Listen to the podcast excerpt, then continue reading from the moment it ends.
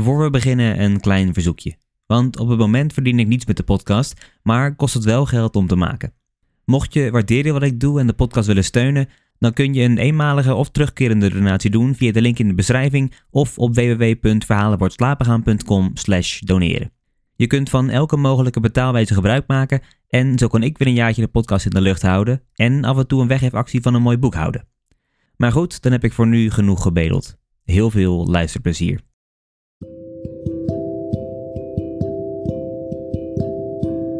Hallo allemaal en welkom. Mijn naam is Mike en in deze aflevering lees ik voor uit mijn allereerste boekje. Dit is Verhalen voor het slapen gaan.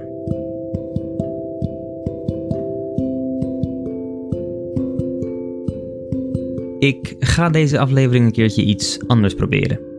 Normaal gesproken zijn mijn afleveringen best wel gestructureerd en vertel ik alles redelijk vlot omdat ik alles zelf van tevoren heb opgeschreven. En zoals je misschien hebt gemerkt ga ik dat deze aflevering een keertje anders doen. Ik heb namelijk niks van tevoren opgeschreven en ik ga gewoon een beetje praten. Tenminste, niet zomaar een beetje, maar wel anders dan anders. Ik ga deze aflevering ook niet zomaar een verhaaltje voorlezen zoals jullie dat van mij normaal gewend zijn. Ik ga namelijk een verhaal bekritiseren. En voordat je denkt van wie ben jij om een verhaal te bekritiseren, ehm, het is een eigen verhaal dat ik ongeveer zes jaar geleden heb geschreven. Het is het allereerste verhaal dat ik ooit heb geschreven en het is ook een boekje geworden. En dat komt doordat ik het heb uitgegeven bij uitgeverij Bookscout. En dat is een printing-on-demand uitgever.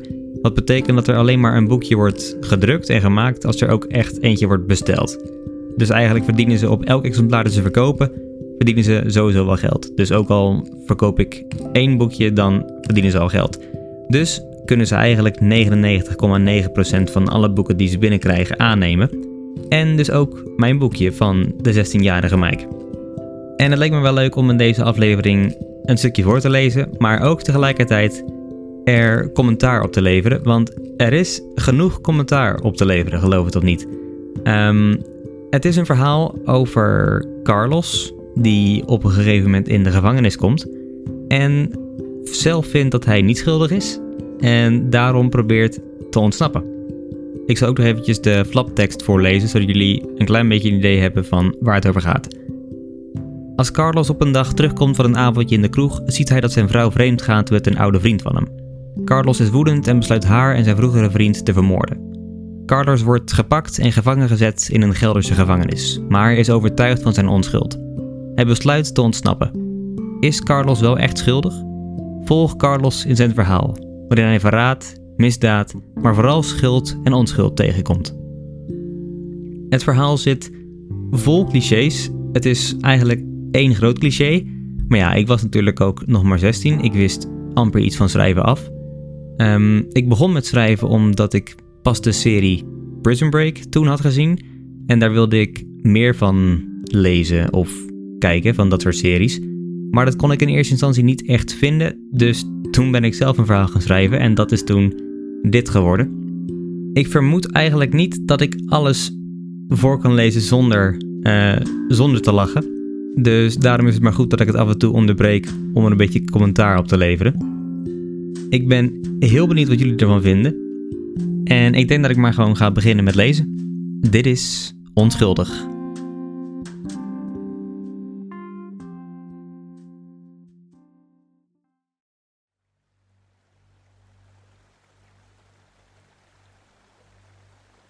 Onschuldig.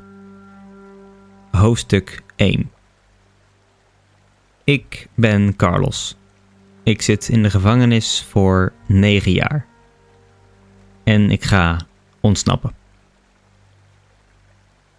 Dat was hoofdstuk 1. Achteraf had ik er misschien beter een proloog van kunnen maken. Uh, maar goed, het is, dit was het eerste hoofdstuk. Uh, we weten al heel veel over het personage en dat in twee zinnen. Uh, we weten dat hij Carlos heet. We weten dat hij een gevangenisstraf heeft voor 9 jaar. En dat hij gaat ontsnappen. En dat allemaal in, in één hoofdstuk, in twee zinnen. Dus dan wordt het alweer tijd om door te gaan naar hoofdstuk 2. Hoofdstuk 2. Eén week eerder. Ik had met Frank afgesproken in café De Snoek. Het heette zo omdat het aan het water lag In de rivier zwommen veel snoeken. Elke maandag ging ik met Frank even gezellig wat drinken en praten. Hij was mijn beste vriend. We kenden elkaar al sinds de basisschool. Hij had geen vrouw. Hij had eigenlijk zelfs nooit een vriendin gehad. Daarom kon hij doen en laten wat hij zelf wilde en was hij naar Utrecht verhuisd, waar ik woonde. Frank en ik kwamen altijd overal samen uit. Natuurlijk hadden we wel eens ruzie, maar dat duurde nooit lang. Meestal ging het ook helemaal nergens over. Eén keer hadden we ruzie over wie er op welke plaat mocht zitten bij een cabaretvoorstelling. Iedereen keek naar ons alsof we kinderen van vijf waren. Dat was zo gênant. Gelukkig kunnen we er nu alleen nog maar om lachen. Ik kwam op de fiets aan bij het café. Ik ging altijd fietsend. Dan was ik even lekker bezig en kon ik mijn gedachten van de dag even aan de kant schuiven. Ik had namelijk een zware dag achter de rug. Ik zag hem al buiten staan, altijd weer in een overhemd. Volgens mij hing er helemaal niks anders in zijn kast, maar ja, iedereen heeft zijn eigen stijl. Vroeger ook al. Op school had hij in één week maar drie verschillende setjes aan, terwijl de rest elke dag weer iets anders aan had. Het maakte Frank allemaal niet uit. Hij trok zich nergens wat van aan. Daarom zijn we misschien wel zulke goede vrienden. Toch is het eigenlijk ook vreemd, want ik ben juist wel heel erg van netjes zijn en er iedere dag weer fris en fruitig uitzien. Nou ja, zolang we maar vrienden bleven. Heel enthousiast vroeg hij hoe het met me ging. Hij was altijd enthousiast. Buiten mij had hij eigenlijk niemand. De rest van de week keek hij volgens mij films op de bank en ging hij s'avonds naar het café. Oh ja, hij werkte bij McDonald's en verdiende daar zijn geld. Het was niet veel, maar hij kon er zijn gehuurde appartementje van betalen. En ik had er ook nog voordeel van, want ik mocht gratis eten bij McDonald's. In ruil daarvoor hielp ik hem soms met financiële zaken. Ik zat wel goed met mijn ICT-baan waar ik de coderingen van sites van bedrijven bijhield. En zoals altijd zei ik dat het goed ging. Nog wat bijzonders gedaan? vroeg ik. Als je het werken bij McDonald's bijzonder vindt, dan wel. We moesten lachen.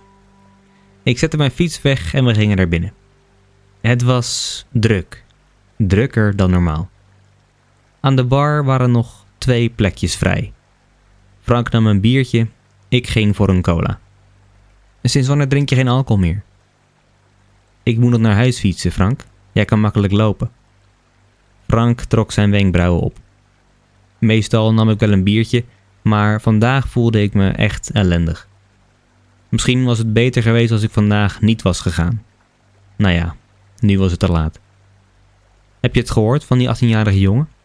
Hij heeft zijn ouders vermoord voor een erfenis. Hij moet negen jaar zitten. Dan is heel je leven naar de kloten. Ik keek hem verbaasd aan. Jezus, dan heb je inderdaad niks meer in je leven. Eén ding is zeker, als ik ooit langer dan vijf jaar zou moeten zitten, ga ik proberen uit te breken. Iets anders valt er toch niet te doen. Is dit toevallig foreshadowing? Een man keek om. Hij had een eng hoofd. Hij zag er eng uit, ook nog eens. Hij had zo'n rare oorbel, waarin je door een gat in zijn oorlel heen kon kijken. Ik zag dat hij een tatoeage op zijn arm had. Die zag eruit als een oneindigheidsteken, maar er zat nog een klein streepje aan vast. Hij keek me doordringend aan. Ik keek terug. Ik was opgelucht toen hij wegkeek. Ik wilde niet in de problemen komen met zo'n grote jongen. Ik hoopte dat ik nooit in de gevangenis zou komen. oh boy. Ik hoopte dat ik nooit in de gevangenis zou komen. Daar zaten alleen maar van zulke gasten. Waar kijk je naar? vroeg Frank. Ik keek verschrikt op. Oh, sorry. Ik zat eventjes in mijn eigen gedachten te dwalen. Ik heb een zware dag achter de rug, weet je. Dan denk ik dat het maar beter is als je naar huis gaat, Carlos. Het wordt er voor ons beiden zo niet gezelliger op. Je hebt gelijk. Volgende week probeer ik gezelliger te zijn. We keken elkaar aan en lachten. Toen ik naar buiten liep was het al bijna donker en ik was al moe. Die combinatie ging niet samen. Ik moest zeker wel vijf minuten zoeken naar mijn fiets. Deze dag kon echt niet slechter. Toen ik mijn straat in fietste, zag ik dat het licht in de slaapkamer aan was. Zij gaat vroeg naar bed, dacht ik. Net voordat ik van mijn fiets afstapte, ging het licht uit. Ik zou naar boven gaan, Gina een kus geven, beneden nog wat koffie drinken en naar bed gaan. Ik draaide de sleutel om, opende de deur en ging naar binnen. Ik was wel moe, maar wat me meteen opviel was dat er schoenen in de gang stonden die er normaal nooit stonden. Het waren mannenschoenen, dus ze konden niet van Gina zijn. Zou ze misschien visite hebben? Het licht in de woonkamer brandde niet meer. Volgens plan ging ik naar boven en daar stond ik voor een dichte deur. Op de een of andere manier had ik een heel slecht gevoel, alsof ik in wilde storten, maar ik wist niet waarom.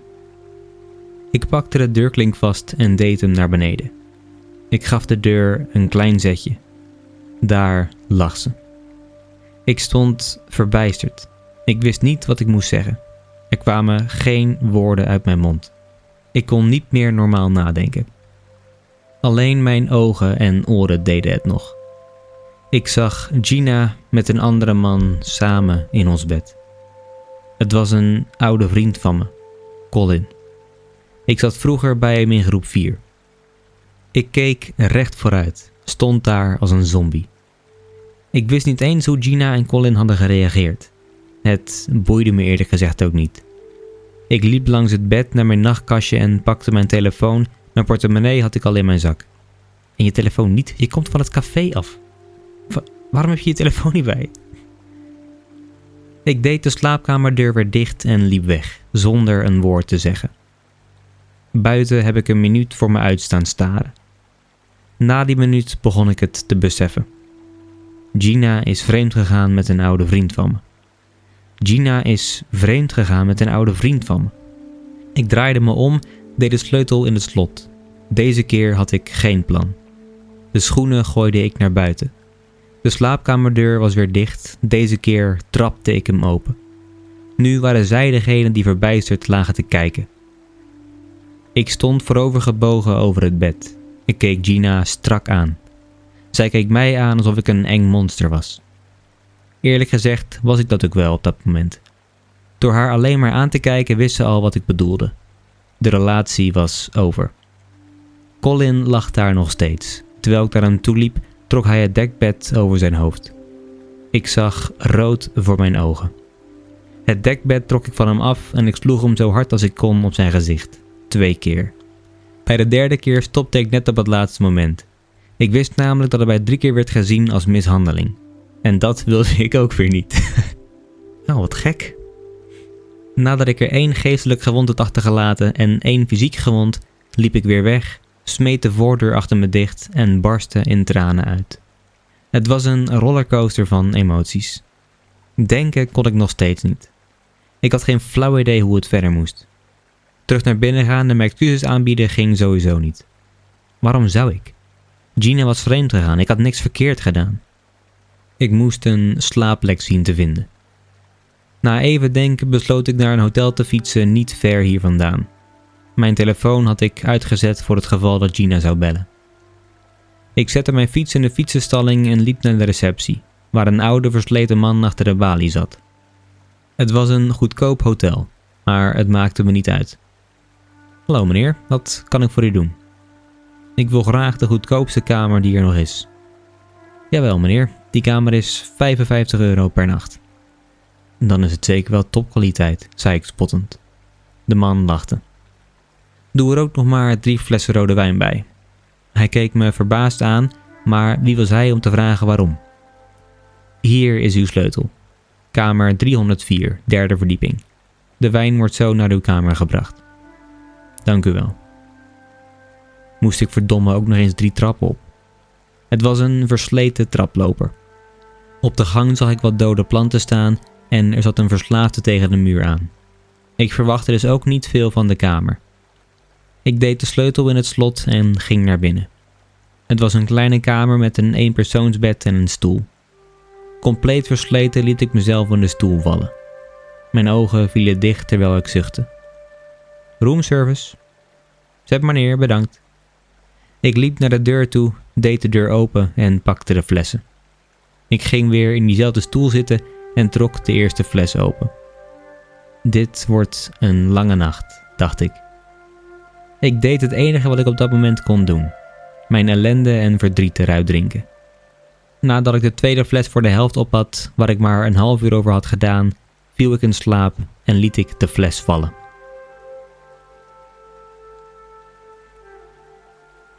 Hoofdstuk 3 Het was nog vroeg. Hey, we zitten, we zitten ineens in de avonden van Gerard Dreven. oh nee, dat was, het was nog donker, sorry. Het was nog vroeg. Ik werd om zes uur in de morgen gewekt door een of andere gek die een dienblad liet vallen vlak voor mijn deur. Ik bleef verwonderd om me heen kijken en realiseerde me wat er gebeurd was. Gina was vreemd gegaan met Colin. Hoe kon ze? Hoe kon ze? Ik stompte nog een paar keer in mijn kussen. Ik wilde niks kapot maken waardoor ik nog meer moest betalen. Ik wist wat ik zou gaan doen. Maar ik wist het alleen nog niet zeker. ja, hallo. Make up your mind. Ik had 80 euro achtergelaten in het hotel, de wijn inbegrepen en was weggegaan. Het was drie uur. Ik stond te wachten op de afgesproken plek. Ik kon niet geloven dat ik dit ging doen. Mijn hele leven was ik een vrolijke man, maar in één flits was het omgeslagen. Het gekke was dat ik het nog zag aankomen ook. Allemaal gedachten schoten door mijn hoofd. Waarom zou Gina vreemd zijn gegaan?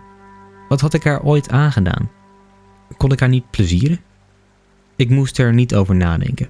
Dat zou het alleen maar erger maken. Ik was er klaar mee. Mijn gedachten werden verstoord door een zwarte auto die het steegje inreed waar we hadden afgesproken. Hij stopte vlak voor me.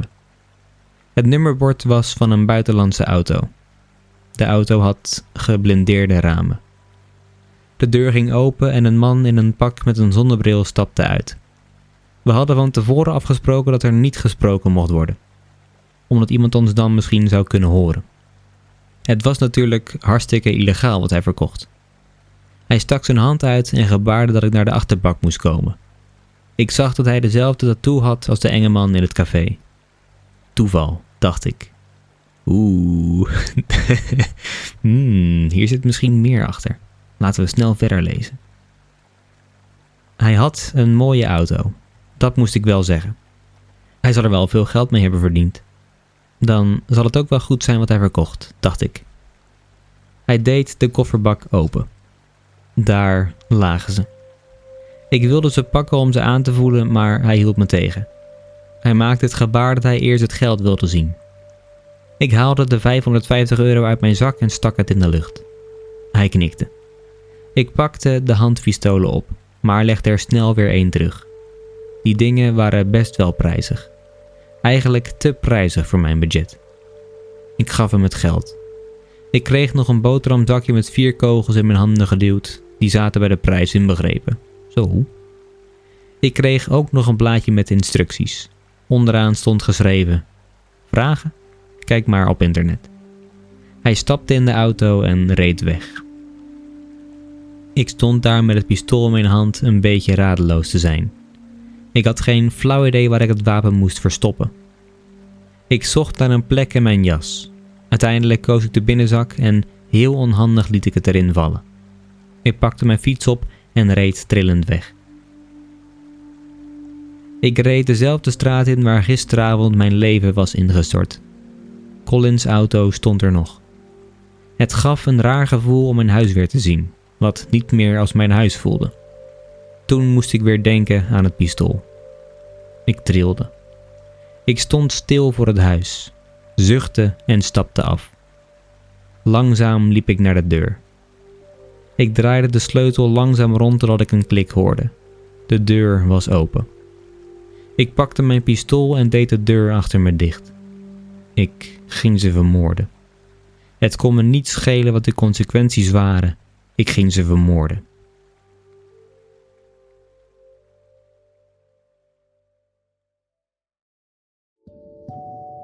Dat waren de eerste drie intrigerende hoofdstukken van Onschuldig. We hebben kort kennis gemaakt met Carlos en we hebben gelezen hoe hij met zijn beste vriend Frank wat is gaan drinken. En hoe hij later thuis is gekomen om zijn vrouw met een vreemde in het bed te zien. Of nou ja, een vreemde.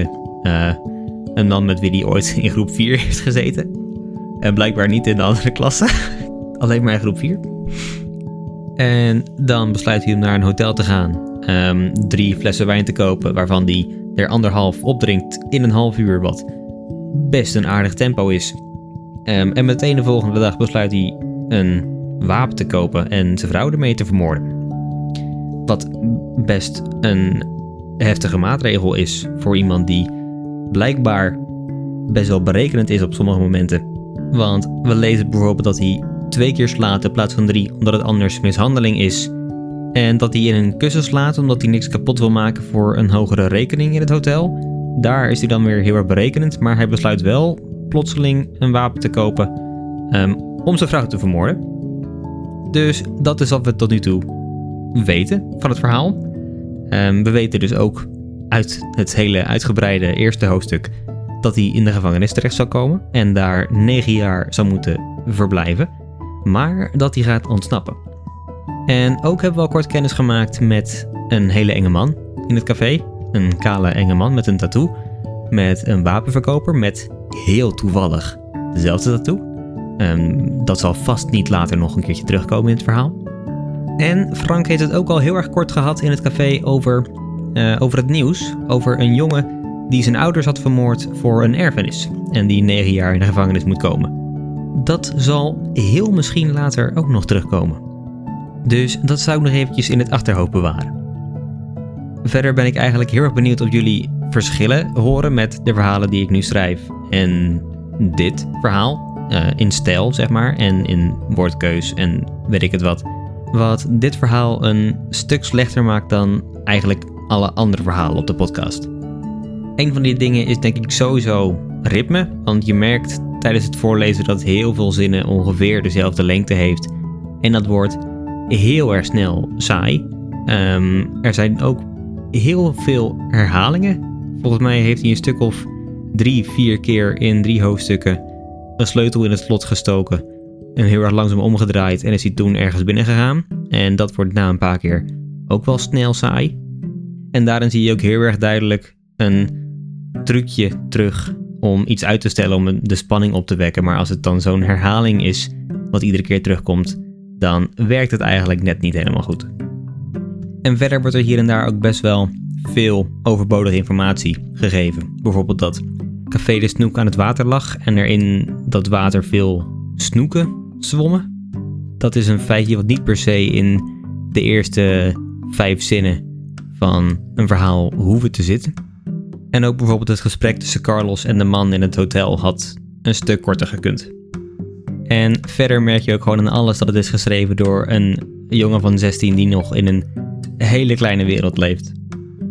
Maar goed, dat was het denk ik voor nu. Ik ben heel benieuwd wat jullie ervan vonden. Zowel van het verhaal als van deze andere opzet van de aflevering. Mocht je feedback hebben of iets kwijt willen, dan kun je me sowieso een berichtje sturen op sociale media. Uh, daar kun je me vinden op het verhalen voor het slapen gaan. Je kunt me een mailtje sturen via de site www.verhalenvoortslapengaan.com. En ik zal ook nog een poll of een vraag in de beschrijving van deze aflevering zetten. Het lijkt me bijvoorbeeld heel erg leuk om de rest van het boekje ook op deze manier voor te lezen. Maar dat doe ik wel alleen als jullie het ook goed en leuk vinden.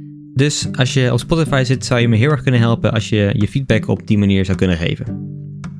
Dan ga ik voor het laatste stukje van de podcast toch nog even het script erbij pakken, want op een andere manier dan dat kunnen we natuurlijk niet afsluiten. Dus voor ik afsluit nog één dingetje. Het luisteren van de podcast is gratis, maar het maken is dat niet.